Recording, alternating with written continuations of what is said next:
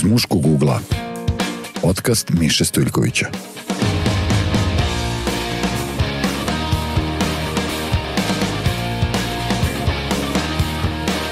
Evo nas u još jednom e, izdanju podcasta iz muškog ugla. E, više sam izgubio računicu koja je tačna epizoda, ali nije ni bitno, vidjet ćete u e, ispisu ispod ekrana. E, danas e, mi je posebno zadovoljstvo što mogu da vam predstavim čoveka koji već dugo ne živi ovde u Beogradu, pa smo iskoristili njegov boravak u glavnom gradu Srbije da ga snimimo za podcast. To je moj dragi kolega Aleksandar Dimitrijević, profesor doktor da ispunim formu, predavač trenutno na jednom univerzitetu u Berlinu, a dugo, dugo je bio i predavač ovde u Beogradu na Filozofskom fakultetu, na katedri za psihologiju e, Aleksandre. Zdravo i dobar dan, malo mi je neobično da sad ovako nešto zvanično da. te najavljujem jer se znamo bukvalno od prvog dana fakulteta, da, da potpuno demistifikujemo. Dana, da. da, da, da, sve je počelo na šalteru mm. u prizemlju e, da. filozofskog. E, Kroz razgovor o Monty da, Python. Je li tako? Da, je li da. Monty Python Mm. Da, pa možda se dotaknemo Monty Pythona i danas, probat ćemo. Um, ti si već dugo u e, Berlinu, sad tamo živiš uh mhm. -huh. i radiš i kao što rekoh, e, ne dolaziš baš često u Beograd, pa, pa mi je baš drago da, da si našao vremena da pričamo naravno, naravno. o ovim temama kojima se ja bavim u podcastu. To je sve nešto vezano za, za mhm. muškarce uh -huh. i naše uloge i šta se sve tu promenilo tokom poslednjih par decenija e, naših života. Mislim da se dosta, dosta toga izmenjalo.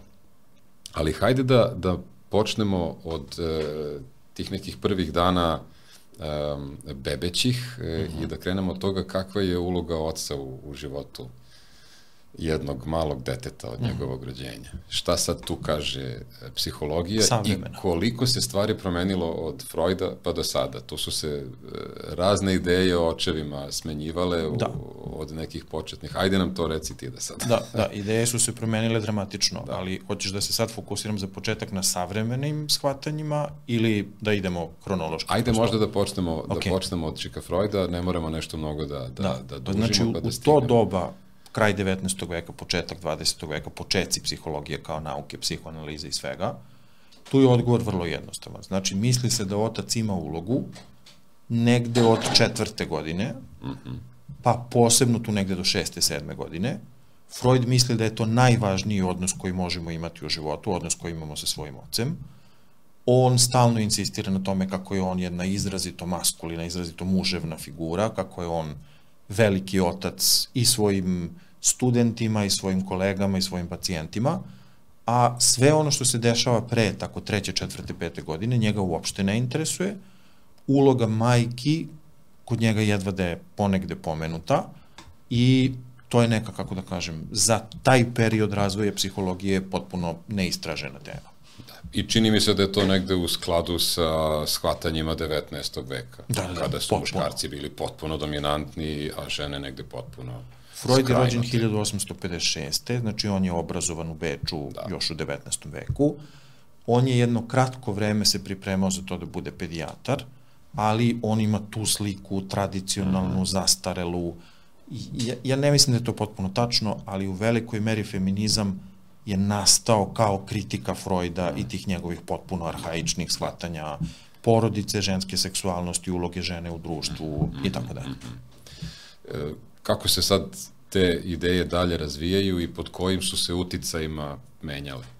Pa sad se dešava sredinom 20. veka odlazak u potpunu suprotnost, mm -hmm. kada nekoliko važnih autora, posebno u Engleskoj, počinje da naglašava ulogu majke i rana iskustva, prve mesece, prve godine života, kao nešto što više utiče na našu budućnost nego onaj period na, na, na koji se Freud bio fokusirao, ali sad klatno odlazi na drugu stranu i sad otac potpuno nestaje iz slike, već je to stalno majka i beba, majka i beba, majka i beba.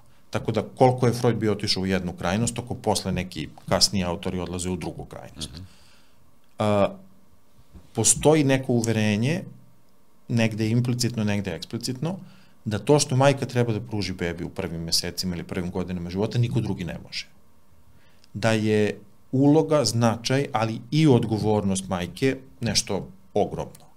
I to je sad isto stvar za koju danas znamo da nije potpuno tačna. Da je, da je jednako kao Freudova vizija i ova nekako preterana. Kada je onda došlo do sinteze te dve Pa, ili već, kako se bismo da to mogli nazvati? Bilo bi, bilo bi dobro da je sinteza. Pa stvari, stvari postaju, ja mislim, nama nekako jasnije od otprilike kraja 60-ih, početka 70-ih, kad se dešava jedna stvar koja danas deluje potpuno zastarelo, mislim posebno kad imamo u vidu ovo čime smo nas dvojica sada okruženi, neki istraživači počinju video kamerama, znači mogu da priušte sebi da kupe video kameru i video rekorder, koga se sad ono, mnogi ljudi uopšte ni ne sećaju, Što je u to vreme bilo ogromno bogatstvo. Da, da, da, da. da. i da snimaju igru, kontakt a, roditelja i beba i da ih onda posmatraju kadar po kadar uh -huh. i da analiziraju tako usporeno šta se tu zapravo dešava. I to nam tada u roku od nekoliko godina donosi potpuno revolucionarni preokret. Do tog vremena psihologija veruje, najveći broj psihologa veruje, da beba ne može ništa. Da je beba potpuno, često se govorilo tabula raza, potpuno prazna ploča u koju će onda društvo upisati nešto. I mi tu u nekoliko godina shvatamo da bebe imaju vrlo razvijen kapacitet za uspostavljanje socijalne interakcije, da mogu da imitiraju, da mogu da gledaju u oči, da mogu da se osmehuju, da mogu da kažu dosta mi je na neverbalni način, gestovno i onda od tog trenutka počinje velika revolucija u, u razvojnoj psihologiji i, kako da kažem, svim pristupima razvoja. I na kom je stanovištu psihologija danas? Što se tiče uloge očeva. Da, pa i očeva i majki, koliko je sad to uravnoteženo, koliko e, su oni zamenljivi ili nezamenljivi i tako dalje.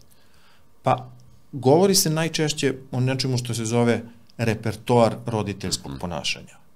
I to su ponašanja koja su neophodna ne samo za to da beba preživi fiziološki, već i da postane ljudsko biće sa identitetom i svim ostalim. I ta ponašanja mogu da obavljaju različite osobe. To ne mora da bude majka, to ne mora da bude roditelj, to mogu da budu različiti ljudi. Uh, nekim ljudima to ide bolje, nekim ljudima to ide lošije. U proseku to ženama ide bolje nego muškarcima, znači prosečna žena je bolja od prosečnog muškarca, ali to se ne odnosi na sve osobe koje pripadaju tim grupama. I otac može da zameni majku u tome, ali je, kako da kažem, ponašanje oca će biti isto ono ponašanje koje bi pokazivala i majka, potrebe bebe će biti iste, ukoliko beba ima tu sreću da ima odnos sa velikim brojem ljudi u tom trenutku, da su to i roditelji i, na primer, babe i dede ili, ili nemam pojma, dadilja ili bilo šta, beba uspostavlja odnos na potpuno isti način sa svim tim osobama. Nema jednu vrstu igara sa jednim, drugu vrstu igara sa drugim, nema jednu vrstu gladi sa jednim, drugu vrstu gladi sa drugim, već prosto je taj odnos isti. Još je emocionalno, saznajno, socijalno beba nesposobna za to da ostvari da tako kažem, paletu odnosa, aha, različite aha. odnose sa različitim figurama. Prerano je još za to. Da, da. Kada, kada, kada više nije prerano? Kada je ako, ako dete samo, u stanju? Samo, da, aha. sam teo još nešto da dodam ako aha. ti ne smeta. Ne, naravno. Znači ima, ima jedna, jedan još važan dodatak, uh -huh. a to je šta u tim, da tako kažem, tradicionalnim porodicama, šta je to što otac treba da uradi uh -huh. za majku? Jer je to situacija, znači, pred posebno pred kraj trudnoće i neposredno nakon porođaja, koja je psihološki takođe vrlo izazovna mm -hmm. i iscrpljujuća za, za svaku majku. Uprošćeno rečeno, trudnoća funkcioniše fiziološki tako što beba, mislim nije, nije, nije da. još rođena beba, uzima sve za sebe što je najvažnije. Kiseonik, minerale i sve ostalo, a majka dobije ono što preostane. Znači, tačno se vidi iz fiziološkog funkcionisanja organizma na šta priroda stavlja akcent. Akcenat, da. Sledeća generacija je važnija nego prethodna generacija. E sad, kad se beba rodi, isto to se dešava, samo sad više nije fiziologija u pitanju mm -hmm. toliko koliko je koncentracija. Sad je fokus majčinog uma potpuno na tome šta bebi u ovom trenutku treba, mm. mislim, kako da kažem, u nekim drugim uslovima životnim to se, to se nama srećom najčešće u današnje dobe ne dešava, hoće li moja beba uopšte preživeti, da. kako da je zaštitim i sve ostalo, to je osnovni fokus majčinog uma. I godinama će koncentraciju upijati prvo dete, pa onda za majku ako ostane. E sad, uloga oca tu je izuzetno važna, zato što u toj takvoj iscrpljujućoj situaciji -huh. majka mora da ima veliku podršku. Uh -huh. Jedan tvoj prethodni gost, profesor Salman Ahtar, Upravo o njemu razmišljam da, sad dok pričaš ovo. Voli da kaže da majka mora da dobije ljubav od oca da bi mogla tu ljubav da da bebi. I to je, ja mislim, potpuno tačno. Samo mi se čini da ima jedna stvar koja tu treba da se doda. Povremeno, otac mora biti pripremljen na to da mora da upije negativna osjećanja iz majke, da bi ona pozitivna osjećanja mogla da da bebi. I ja mislim da je to jedan veliki izazov koji se dešava mnogim parovima, mnogim roditeljima, da kad ta negativna osjećanja krenu ka ocu, da bi pozitivna mogla da krenu ka bebi, a negativna ne, da to onda nije lako da. izdržati i da to može da bude veliki izazov. Tu je jako teško za muškarce da to ne dožive lično. Da. I to je važno podjednako i odmah po rođenju bebe, kao što si ti uh. -huh. sada objasnio, a takođe i na e, uzrastu pubertetskom kada otac do duše ne, treba da upija ne do duše negativnu energiju od majke, mm -hmm. nego od, da. od dece.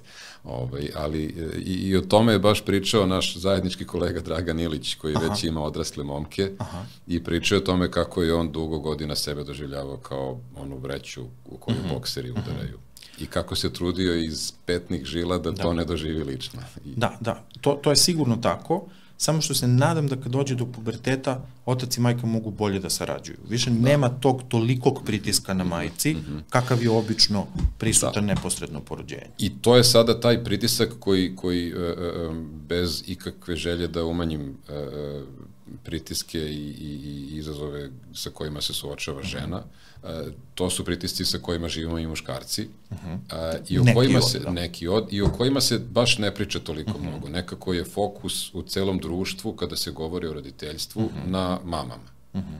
i mislim da je to potpuno uh -huh. opravdano ali, ali bih voleo da vidim da se malo više priča uh -huh. i o tatama, o tome kroz šta uh -huh. muškarci prolaze i kako da oni negde sami sebe shvate i sebe i svoje partnerke i potrebe bebe na tom mhm. uzrastu i tako. Da.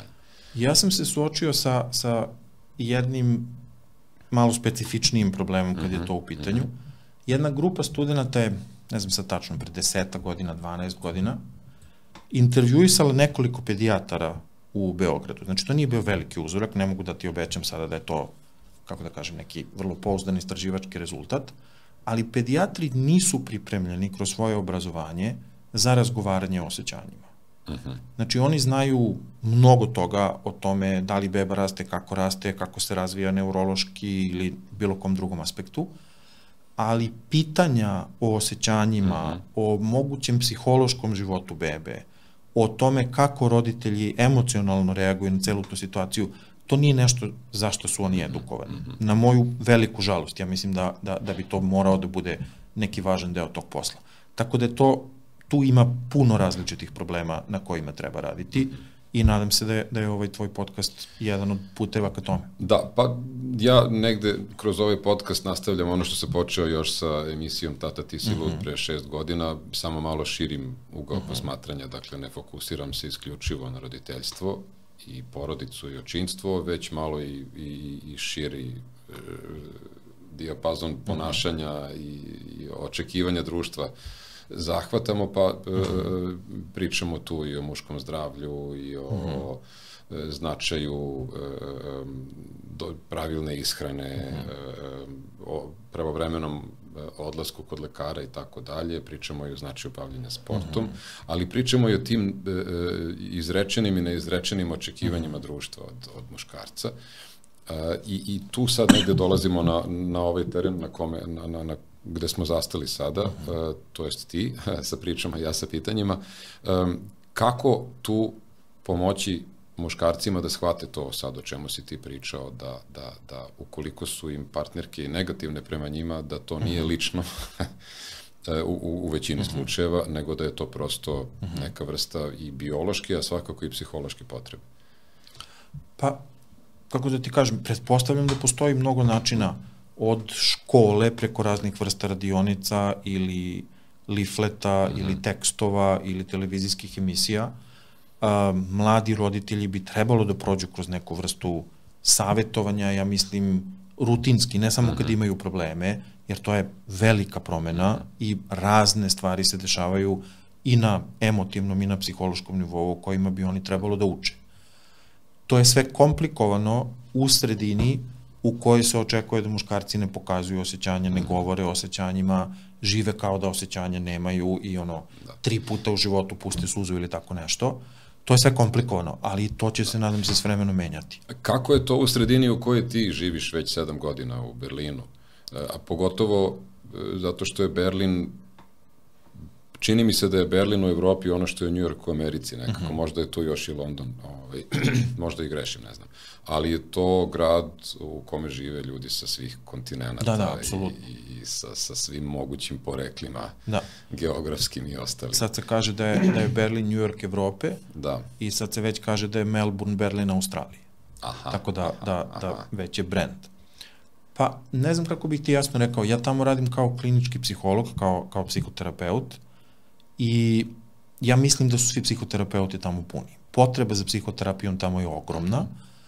Uh, neke oblike psihoterapije zdravstveno osiguranje uh, da tako kažem podržava, mm -hmm. tako da neki ljudi mogu dobiti do 300 seansi besplatno i to tamo nije nikakav stid. Zatražiti pomoć psihoterapeuta nije nikakav stid i zbog toga ja mislim da, da mislim pretpostavljam da se to odnosi da. na razne druge aspekte života. Ali da li, na primjer, kod svojih muških e, klijenata uh. -huh. vidiš te neke dileme koje sam ja sada izneo, to, te neke pritiske da oni odrastaju sa očekivanjima društva, da oni kao muškarci budu ovakvi ili onakvi? Pa, očekivanje društva postoje uvek i svuda, da. ona su samo različita. Mislim, najprostije rečeno, na primjer, vidim vrlo jasnu razliku u tome da li neko dolazi sa juga Evrope ili severa Evrope. Po čemu? Ljudi koji dolaze sa juga Evrope, i to ne mislim samo na prostor bivše Jugoslavije, uh, imaju jednu vrstu porodičnih odnosa, mm -hmm. koliko god da imaš godina, tvoji roditelji hoće da budu deo priče, da znaju da kad te posete borave u tvojoj kući, da ako si bolestan dođu da ti oni pruže pomoć, da mnogi ljudi imaju osjećaj da su otišli na drugi kraj Evrope da bi mogli da se odvoje od roditelja. Ako ljudi dolaze sa severa Evrope, mislim sad govorim, kako da kažem, dobro, uprošćeno da. naravno, ako ljudi dolaze sa severa Evrope, oni najčešće imaju to iskustvo da su im roditelji pružili obrazovanje, stabilnost, sigurnost, financijsku podršku, -hmm. manire i tako dalje, ali da su ih roditelji zagrali pet puta u životu. -hmm. Ako roditelji sa severa ili zapada Evrope dolaze u posetu, oni odsedaju u hotelu i ne postoji, koliko moje ograničeno iskustvo govori, ne postoji čak ni razgovor, ne postoji ni ideja da će oni ikada više boraviti u kući svog deteta. Uh mhm. -huh. Oni će doći, biti u hotelu, sretati se svakog dana, ručati, šetati, razgovarati, ali to su sada dve razdvojene celine. Da. Tako da uvek nešto dobiješ, nešto izgubiš. Mhm. Uvek jedna strana ode u jedan ekstrem, druga da. u drugi. Pretpostavljam da kada govoriš o jugu Evrope misliš i na Italiju, i na Španiju, da, i na Portugal, Grčku, Grčku, Tursku, da. Tursku da. aha, aha. Mm -hmm. Da, to je jako zanimljivo. Mediteran, da. Da. A pošto znam da si imao i, i neke klijente sa drugih kontinenta, mm -hmm. možeš li tu negde da uporediš? Pa, pa to je u najvećem broju slučajeva Sjedinjene države, Kanada, Australija, to sve mhm. liči na zapadnu Evropu. Veliki ekstrem je Južna Koreja, koja je društvo, prema svemu što sam čuo, apsolutno hijerarhizovano, u kome se, u kome roditelji govore deci šta deca treba da rade i na svaki pokušaj deteta da ispolji osjećanja, roditelji kažu zašto ti mene ne poštuješ. To je kultura bez direktnog ispoljavanja osjećanja u porodičnim odnosima i to su onda odrasli ljudi koji nekako ako se suoče sa problemom, instinktivno, automatski reaguju tako što se zalete. Mm -hmm, mm -hmm. Tako da ima nekih variacija, ima nekih ekstrema, ali čini mi se da ima mm -hmm. ono, tipičnih reakcija. Mm -hmm. Da, to je jako zanimljivo mm.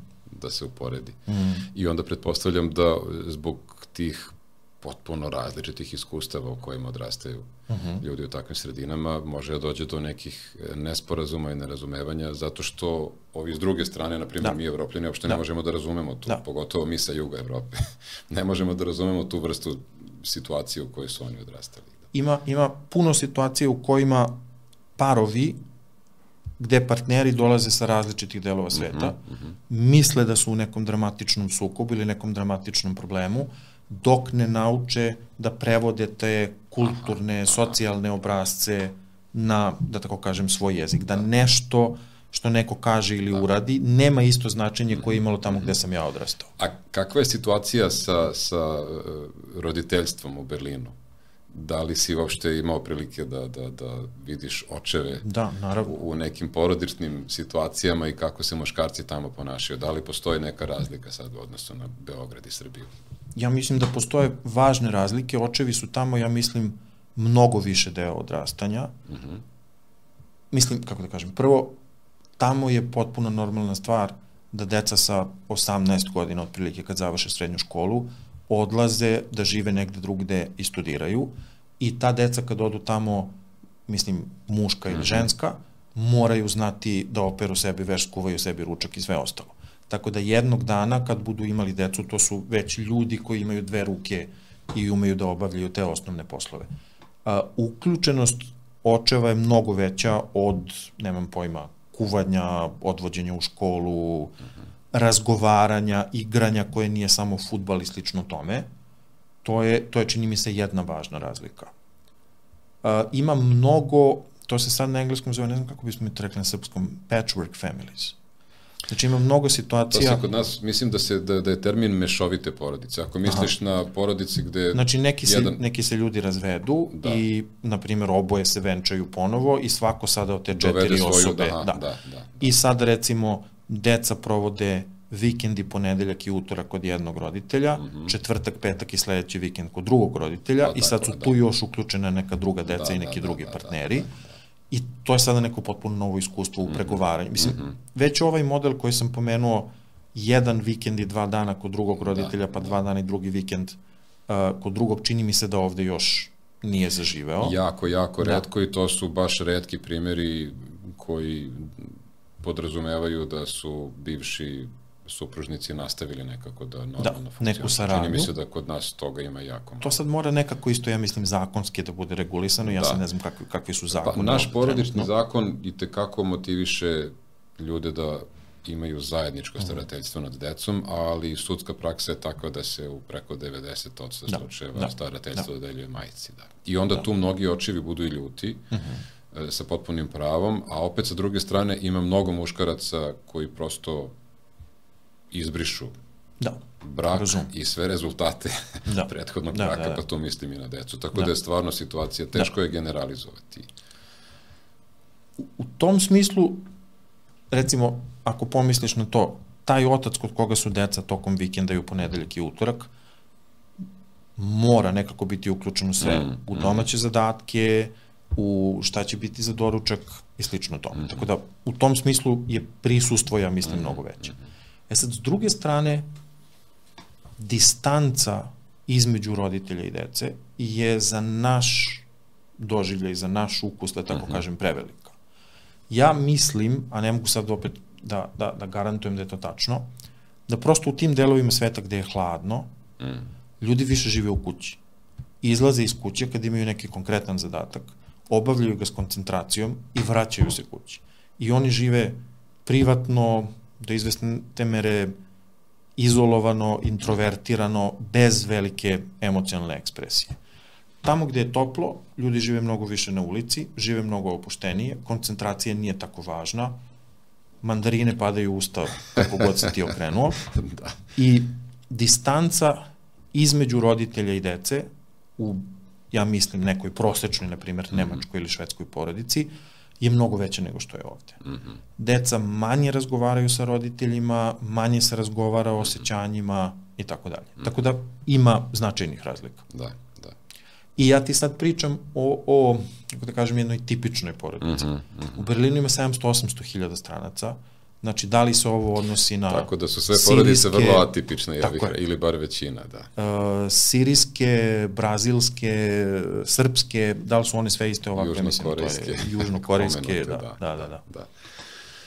A, razmišljam e, o tome kako sada ta neka dobra iskustva, Mhm. to deljenje, na primjer, obaveza oko Mhm. dece posle razvoda i taj život dece podjednako i kod Mhm. oca i kod majke, kako to sad preneti ovde? Jel, jel to tamo zakonski rešeno na taj način ili, ili se ljudi prosto više dogovaraju i, Pa ja ili mislim- možda u početku bio zakon pa su kasnije ljudi shvatili? Ja mislim da oni imaju, ali, ali nisam siguran u to, pošto o zakonima ne znamo na baš Mhm. Da. ništa, ja mislim da oni imaju više opcija za dogovaranje prilikom razvoda braka. Da prosto nema automatskog rešenja, da, nego se to razgovara i dogovara. Mislim, kao što, na primjer, ako se ljudi razvedu, a jedan od bračnih partnera nije radio, već je podizao decu, polovina penzionog fonda onog drugog partnera će biti dodeljena toj osobi. Aha, Tako da aha. ima različitih Da, rešenja. to su baš velike ja mislim razlike, drugačijih nego ovde. Na to. Um, hajde da se vratimo na, na, na onu, onu temu koja je meni posebno zanimljiva, to je Mhm. uloga oca u, u, u odrastanju deteta i u životu. Kako bi ti sada rekao, e, ispričao si nam kako se to sve razvijalo od Freuda pa preko Bolbija i ostalih ljudi koji su se bavili emocionalnim vezivanjem ili ti attachmentom, pa evo do danas. Kako bi, šta bi sad ti rekao da tebe neko pita koja je uloga oca, a pomenuti Salman Ahtar e, je rekao do duše samo misleći na početak bebinog života, da je najvažnije da tata voli mamu i to si nam Da, ti to je ono što sam pomenuo. Da. Ali posle toga, kroz negde detinjstvo, šta je to što je negde diferencija, specifika za, za tate? Šta to tate unose u život svoje dece za razliku od mama? Pa ja mislim da to, da, da, da prvi sledeći razvojni trenutak, gde su očevi vrlo važni, da to sad verovatno zvuči smešno, ali počelo je od jednog velikog nemačkog istraživanja koje je pratilo jednu grupu ljudi 30 godina i od, od prve godine života, od, od, od kad su ti ispitanici bili bebe, i negde kad su oni bili na 11 godina, znači u nekom predpubertetu, primetilo se da jedna grupa ima jače samopoštovanje, bolje socijalne kompetencije, da bolje funkcionišu u društvu, da su nekako samouvereniji i onda su se istraživači pitali šta tu to, decu da. izdvaja. I kad su se vratili unazad i posmatrali podatke, pokazalo se da su ta deca drugačije od ostale zato što su se njihovi očevi više sa njima igrali, ali ja ne znam koja je srpska reč za to. Na engleskom se kaže rough and tumble play. Znači, onih malo izazovnijih, grubljih igara, Da, da. koje te nekako izmeštaju iz sigurnosti, podižu ti adrenalin na trenutak, a To u je ono kad te sledećem, tata uvati pa te baci u vazduh. Da, ili još kao rvanje, ili bilo šta slično to, tome. Da, da. Što ti u jednom trenutku podigne adrenalin, a Mhm. u sledećem trenutku ti da osjećaj sigurnosti Aha, aha. i ti posle izvesnog vremena shvatiš ovo uzbuđenje je jako zanimljivo zato što mu sledi sigurnost. Mhm. Uzbudljivo je, a posle toga mi se neće desiti ništa opasno. Mhm. I odatle su počele da se pojavljuju različite ideje koje kažu, i sad ja kad kažem otac i majka, to je zapravo ponašanje koje mi tipično vezujemo Da. za osobu žensku i mušku. Naravno, moguće je da se te uloge Moguće zamenjuju. da bude i obrnuto, da. I žene se mogu ponašati na trenutke Mhm, očinski i, i muškarci se mogu na trenutke ponašati materinski. Znači, da majke tipično obezbeđuju sigurnost, bezbednost, sigurnu luku gde se vratiš kad te nešto zabolelo, a očevi razvijaju kapacitet za to što se u, u teorijama zove istraživanje. Uh Mhm. -huh. Kapacitet da izađem odatle i vidim šta ima u spoljnom svetu. Uh -huh. I sad što je više meni moj otac pokazao, da kad uzbuđenje poraste, posle toga ipak ima sigurnosti, uh -huh. tim ću ja biti hrabriji u tome da izađem iz bezbednosti i istražujem. I to se verovatno odnosi na tri različita aspekta. Prvo je fizički objekti, znači da uzimam igračke, da se igram sa igračkama, da volim da šutiram loptu, da volim da uzmem predmet iz prirode i da se time nešto zanimam, crtam, pravim i ne znam šta. da tako kažem, socijalni objekti, znači druga deca i drugi odrasli, koliko ću se bojati pri susretu sa, sa nekim novim drugarima ili nepoznatom osobom na ulici ili novom učiteljicom. I konačno ono što je za psihologiju najzanimljivije mentalni objekti. Koliko ću biti slobodan u tome da istražujem svoje misli, svoje osjećanja, svoje kreativne ideje, verovatno su sva tri povezana i kako funkcioniše jedno, tako će funkcionisati i ostala dva, ukoliko stvari idu dobro. Neće biti tako kod svakog deteta. Mm -hmm. Tako da u tom smislu ta stvar koja deluje, ja se sećam toga kad sam to prvi, prvi put pročito, deluje potpuno, meni je makar delovalo kao nemoguće da je ovo tako važno. Da izgleda ima vrlo da, bitne da. dugoročne posledice. Ne, neka istraživanja e, čak su e, pokazala i ne samo sve to što si ti rekao, nego da, da deca koja su odrastala uz, da to tako jednostavno kažem, prisutne očeve, imaju dramatično manje šanse da završe u maloletničkoj delinkvenciji. Uh -huh, uh -huh. To je da. još jedna značajna posledica i ona druga koja je značajna ne toliko po dete, mada i to važno za dete, jeste da je u takvim porodicama mnogo manje nasilja. E, I da se to onda nekako neminovno reflektuje i na, na šire okruženje, na društvo u to je, se živi. To prvo što si pomenuo, to je psihoanalitička ideja isto iz 50-ih. Uh -huh da je delinkvencija traženje roditelja mm -hmm. koji će umeti da uspostavi nekakve granice i da mi kaže ne, ovde moraš da staneš. Mm -hmm. A to je u tradicionalnim porodicama obično Otac, da. uloga oca. Da. E sad, teo sam samo da dodam još jednu stvar koja se toga tiče. To ne uključuje kažnjavanje. Mm -hmm. Znači, mi znamo već jako dugo iz istraživanja i sa ljudima i sa decom i sa životinjama, da kažnjavanje može da vodi samo jednom ishodu, a to je prikrivanje ponašanja zbog koga sam kažnjen. Kažnjavanje ne vodi do promene unutrašnjeg obrazca, vodi samo do toga da ja sačekam da ti okreneš glavu i da onda Hoću da ponovo da nastavim, nastavim da radim to isto. Tako da to ne znači kad kažem otac treba da kaže ne, uh -huh. to ne znači da to treba da bude kazna. Kazna neće pomoći, druge neke stvari da. treba da se dese. To mora da bude nepraćeno objašnjenjem.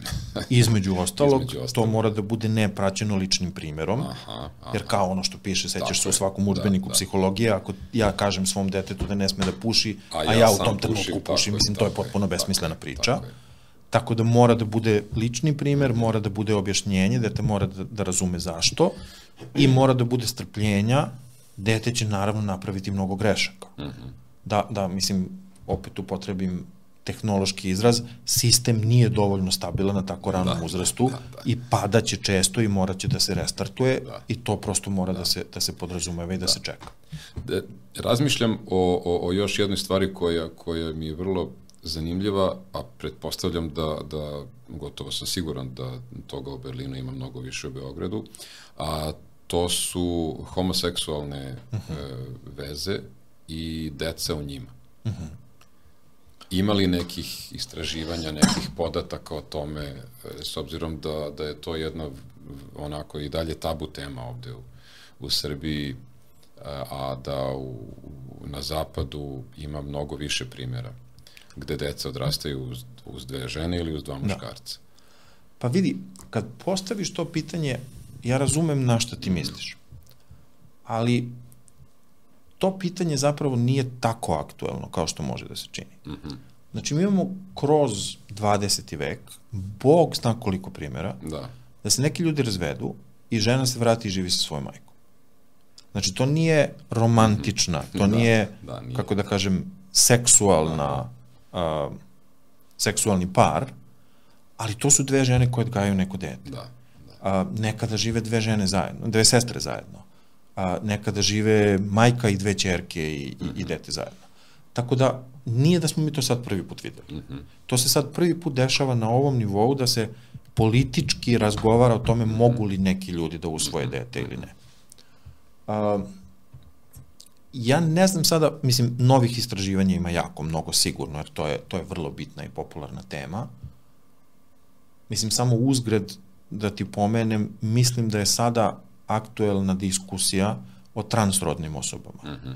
ovo sve što se tiče istorodnih brakova, to je, to je ja mislim, završena diskusija da, da, u, da, u, u ogromnoj meri.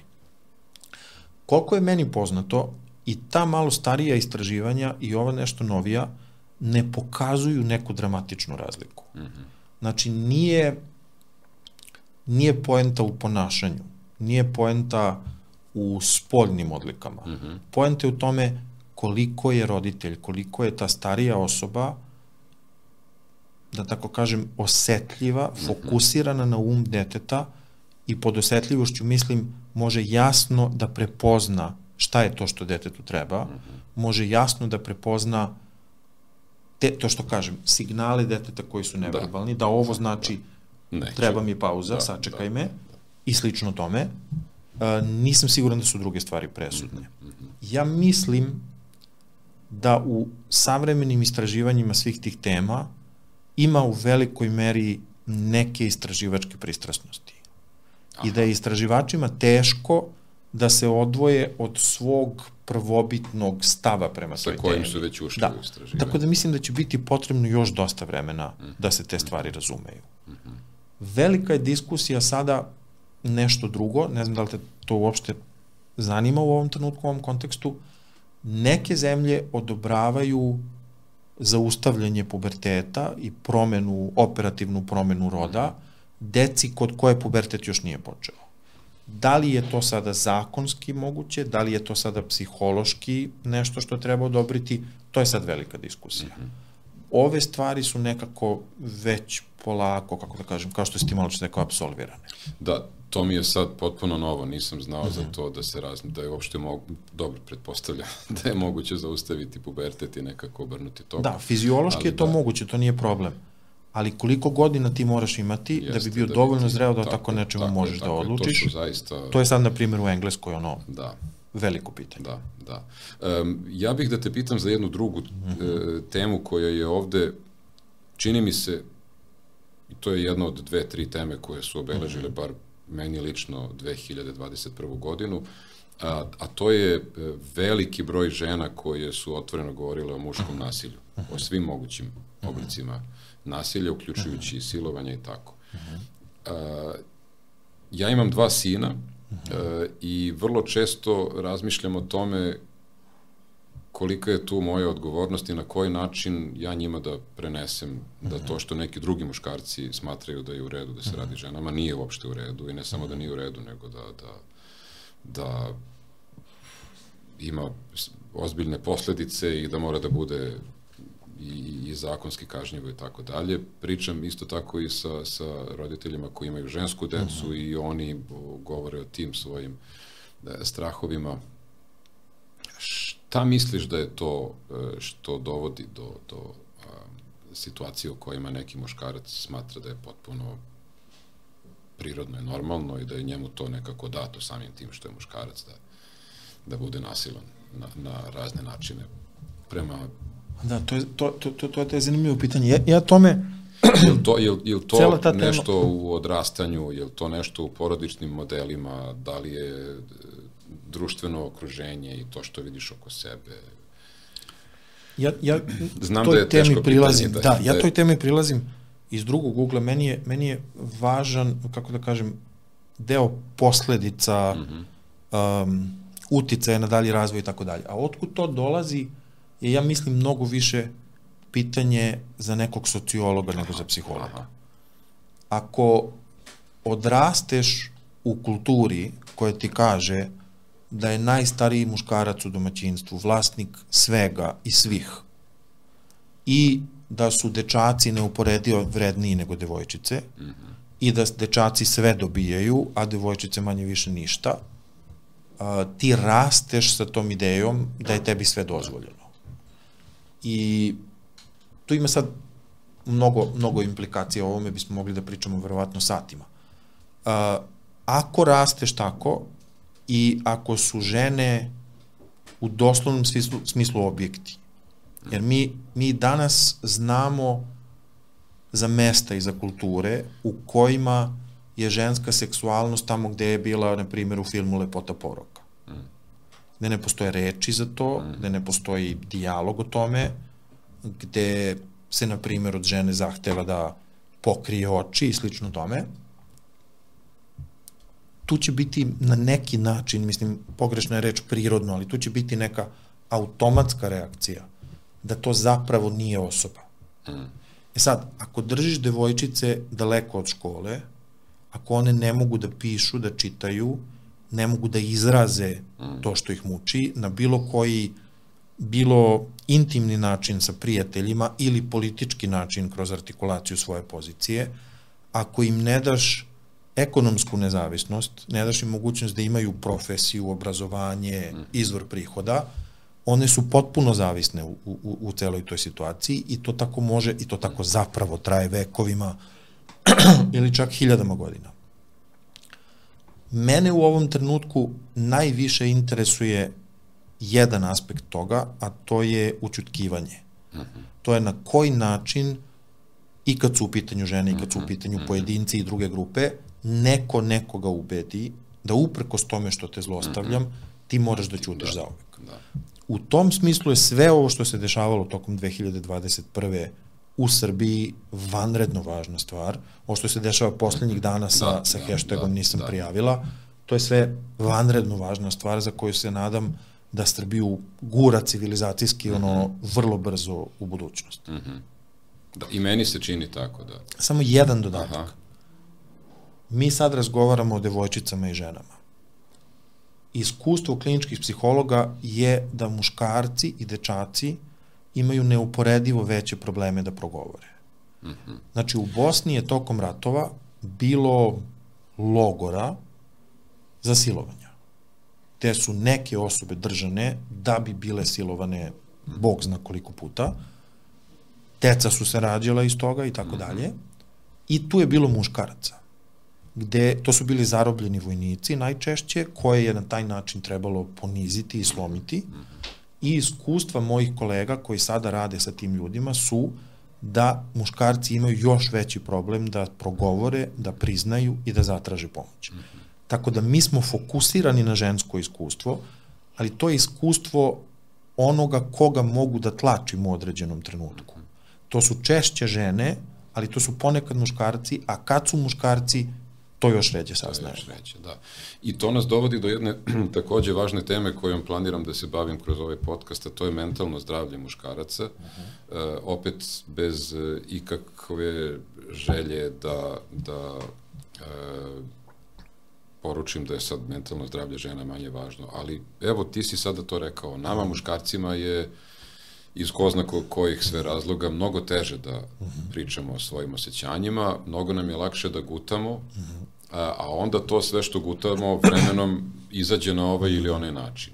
I ja sam e, negde pročitao da od ovih pet godina koliko žene žive u proseku duže od muškaraca, samo jedna godina je zbog bioloških razlika. Aha.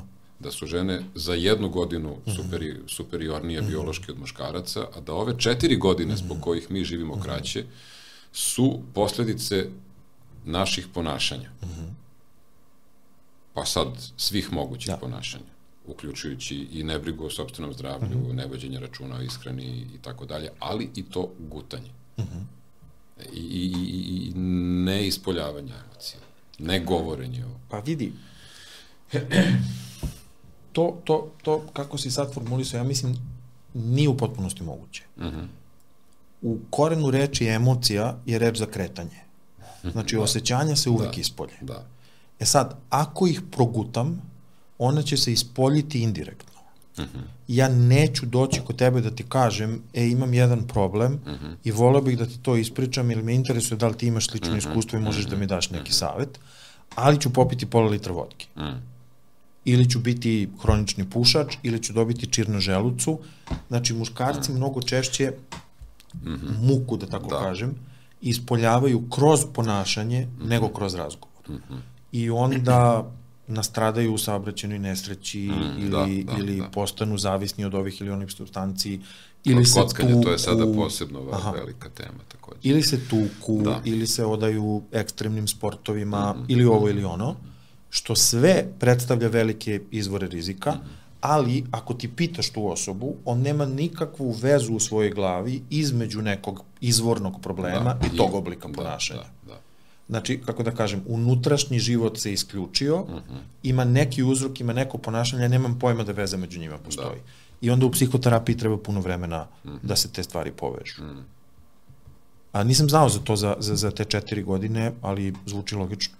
Meni isto tako zvuči logično, nisam nešto sad duboko istraživao, to pročitao da. sam negde. Znaš kako ljudi isto kažu da, da, da su ljudi koji žive oko Mediterana najzdraviji i obično se kaže da je to zbog maslinovog ulja i feta sira, Ja mislim da je to zato što su osjećanje uvek na ulici. Jeste. I nema ništa da me, da, me, da me jede iznutra. Mada vidi, tu bi se onda mogao ozbiljno suprotstaviti primjer Japana da. gde, su, gde je tek broj dugovečnih ljudi ogroman, a aha, nisam siguran aha. da se tamo baš okay, da. toliko da. govori Mislim, ne znam ništa o Japanu, to, tamo imam, kao druga planeta. Ima mnogo više veze sa ishranom i aha, sa, aha, i sa, okay, sa, sa okay. pre, mislim da je pre svega mm. sa time, ali mm. se potpuno slažem i sa ovim mm. što ti govoriš. Um, I još sad jedno, uh, ono što bi rekli amerikanci, pitanje od milion dolara. Mm -hmm. Stvar koja mene jako kopka i, i na koju pokušavam da nađem odgovor i ovi podcasti su u stvari negde način -hmm. traganja za odgovorima, a to je e, kako bi sad ti odgovorio da te ja pitam šta za tebe znači biti muško? Uh. I koliko se to biti muško danas razlikuje od biti muško, na primjer, 1970 da ne idemo toliko nazad u prošlost. Jer mi se čini da se 1970. ne razlikuje mnogo od 1270. A mislim da se 2021. mnogo razlikuje od 1970. To je sad neko moje mišljenje. Ali znaš kako, ja mislim da se sve promenilo, mislim sad ja izbegavam na, na kratko pitanje od pa milion da, dolara. A, sve se promenilo u tim godinama drugog svetskog rata i napo, neposredno nakon toga zato što su u tom trenutku žene počele masovno da se zapošljavaju, da, da. počele da postaju nezavisne i više onaj model mm -hmm. dominacije i kako rekao malo čast tlačenja nije mogo da prođe. Tako je. I u tom trenutku se desila neka ogromna promena. A kako definisati to šta, kako si rekao, šta, je, šta, šta znači, znači biti, biti muško? muško? Ima li uopšte smisla to pitanje? Šta znači biti muško i šta znači biti žensko ili, ili, ili je to samo pa, neki pazi, zavisi, mit ili šta zavisi je to? u kom kontekstu postavljaš da. to pitanje. Da li je to neki filozofski kontekst ili ne znam šta, ili je kontekst odrastanja. Ako neko dete ima četiri godine aha. i sluša te reči muško, žensko, aha. ono sebi postavlja ta pitanja, da li sam ja muško, da li sam ja žensko. Ja se sećam toga, to, to mi se prvi put desilo pre, ne znam, 30 godina sa, sa jednom sestričnom u Smedrevu, koja je počela predamnom da postavlja ta pitanja. Šta je muško, šta je žensko? A kad ja porastim, ću ja biti muško ili žensko. da, to je I tu istraživanja pokazuju da male deca reaguju vrlo jednostavno. Definicija žene je, ona ima dugu kosu i nosi suknju. Aha. Znači, tako to deca to. razumeju da. to. Mislim, da. krajnje uprošćeno. E sad, šta to znači u životima odraslih ljudi? Kako bi se to moglo opisati psihološki, na to da, misliš? Da, da, da. Pa ja mislim da postoje neke, neke tradicionalne za određeno društva vezane uloge. Ali mi imamo, na primjer, evo šta mi prvo pada na pamet. Ima pravilo u psihologiji da kad hoćeš da istražuješ empatičnost uh mhm. -huh. i tražiš neku meru, neki instrument, šta ćeš ljude da pitaš da bi to razumeo? Ako ti ta mera ne pokazuje u pripremnoj fazi, ako ti ta mera ne pokazuje da su žene bolje nego muškarci, nešto ti sa merom ne vrda. Kogod je ispitivao empatičnost, gde god na svetu, na uzorcima od 10.000, različitim pristupima, pitaš ljude šta vi mislite, daješ im zadatke, mm -hmm. u proseku žene uvek bolje. Da. Sećaš se verovatno, muškarac koji studira psihologiju je redkost. Jeste. Zašto su žene bolje u empatičnosti? Sad možemo da diskutujemo da li je to ta evoluciona uloga, mm -hmm, brige o, o, o bebi koja ne ume da govori da, da, ili da, nešto da. sasvim drugo. Ima nalaza koji kažu da što više, čak tokom trudnoće, to se zove, ja mislim, plodova voda, mm -hmm. ako je u njoj veća koncentracija testosterona, mm -hmm. rezultati na uzrastu od 4 godine na merama empatičnosti i teorije uma su niži. Hm. Znači, što više testosterona, tim manje kapaciteta da razumeš unutrašnji da, život da, druge osobe da. ili budeš zainteresovan za njega. Znači, ne znam tačno zašto je mhm, tako, ali to je jedna očigledna razlika. Da. Neke razlike svakako postoje, ja ne bih rekao da je to mit, ali, kako da kažem, kad bi mi sad dao nekoliko sati ili nekoliko dana, ja bih možda mogao da ti kažem Da, nešto. šta mislim koje su te presudne karakteristike. I postoje psihološke teorije koje kažu vrlo jasno to su razlike, mm -hmm. znači postoje substancijalne razlike mm -hmm. u nesvesnom, mm -hmm. u svesnom, u socijalnoj ulozi i sada postoji sve više teorije koje kažu ne, nikakvih razlika nema. Mm -hmm. Tako da i tu je da, spektar da. prilično širok. Otvoreno je polje. Da, da. da pa ostavit ćemo onda i otvoren odgovor mm -hmm. na to pitanje okay. svima koji nas gledaju. E, gledam na sat i vidim da, Aha. da, da nam je neko okvirno vreme koje sam ja sebi zacrtao mm -hmm. za ove razgovore prošlo. Dobro, a mogu ja još jedan minut samo da kažem da ne? nešto o jednoj Kako temi da za koju smatram da je važna. Mi smo stali negde kod otprilike treće godine i toga Aha. igranja. Nismo se dotekli opšte puberteta, da. Ne samo Dobro, to, da. nego tu negde između tre, treće, četvrte mm -hmm. godine i polaska u školu, mm -hmm. deca obično počinju da se ponašaju potpuno drugačije da. prema jednom roditelju da. i potpuno drugačije prema drugom roditelju. Da. I to je veliki izazov ponovo za roditelje da razumeju aha, aha. šta se tu dešava, zašto deca obično postaju mnogo prevrženija jednom od roditelja mm -hmm. nego drugom, da li će onaj drugi tada biti isključen, da li će onaj drugi tada pokušati da kasni zbog toga, I deca tada, neka, ja bih čak rekao mnoga, počinju da pričaju nekakvim kao romantičnim stvarima i osjećanjima, kako je tata moj, moj tata moj heroj ili kako je moja mama najlepša na svetu i slično tome. I tu postoje brojne psihološke teorije koje po mom mišljenju prave preveliki preveliki tabu od svega toga i mnogim roditeljima to sve deluje neprijatno. Mm -hmm to je jedna faza u kojoj deca istražuju kako će život izgledati u mhm, budućnosti, mhm. a prvi model koji vide je model njihovih roditelja i oni počinju u igri da vežbaju šta će to biti jednog dana kad ja budem bio mhm. roditelj. Počnu da guraju bebu, lutku, da, da, kolicima da. i slično tome. To je prosto jedan period igre i istraživanja u koji u kome, kako da kažem, treba biti jednako da. strpljiv i pažljiv kao i u bilo da. kojem drugom. Da. Tu nema ništa posebno. Mm -hmm. Jako dugo su deca bila kažnjavana zbog takvih mm, stvari i mm, slično. Mm, ja mislim da je vrlo važno Pustiti da se prosto da to... strpljivo sačeka, da. to sve prođe samo da. od sebe u nekom trenutku. I tu se vraćamo na onu uh, vreću za udaranje. Mm -hmm. Da mi roditelji vrlo često mm -hmm. treba da prihvatimo tu ulogu, mm -hmm. koju je ponekad jako teško prihvatiti, mm -hmm. jer to šta nam deca kažu i urade, mm -hmm. kada su pogotovo malo starije, ume jako da zaboli. Mm -hmm. I onda je teško da to ne doživiš lično. Mm -hmm. Ali to jeste, čini mi se, jedna od uh, većih, ovako, odvažnijih veština mm -hmm. uh, i umeća roditeljstva. Da. Nekako Deca... dopustiti im da to sve, da to sve izgovore, urade, osete, uh, a opet negde u nekom trenutku povući liniju reći je sad stvarno više dosta. Da, ja bih rekao dozvoliti im da odvežbaju Aha. socijalne veštine koje će im u životu biti neophodne jednog mm. dana, a koje prvo vežbaju sa roditeljima. Da, da, da. Od privrženosti do privremenog neprijateljstva, od izjava ljubavi do ne mogu više da te podnesem, dosadan si, ne znam šta, od igranja ovih vrsta igara, onih vrsta igara, onih, od uvođenja ove vrste discipline i dečih bunta protiv discipline i tako dalje, to sve mora da se vežba s roditeljima. Što se ne bude provežbalo sa roditeljima? Zašto dete nema priliku da svakodnevno mnogo puta vidi šta moji roditelji rade kad su tužni, šta moji roditelji rade kad imaju problem, šta moji roditelji rade kad su srećni.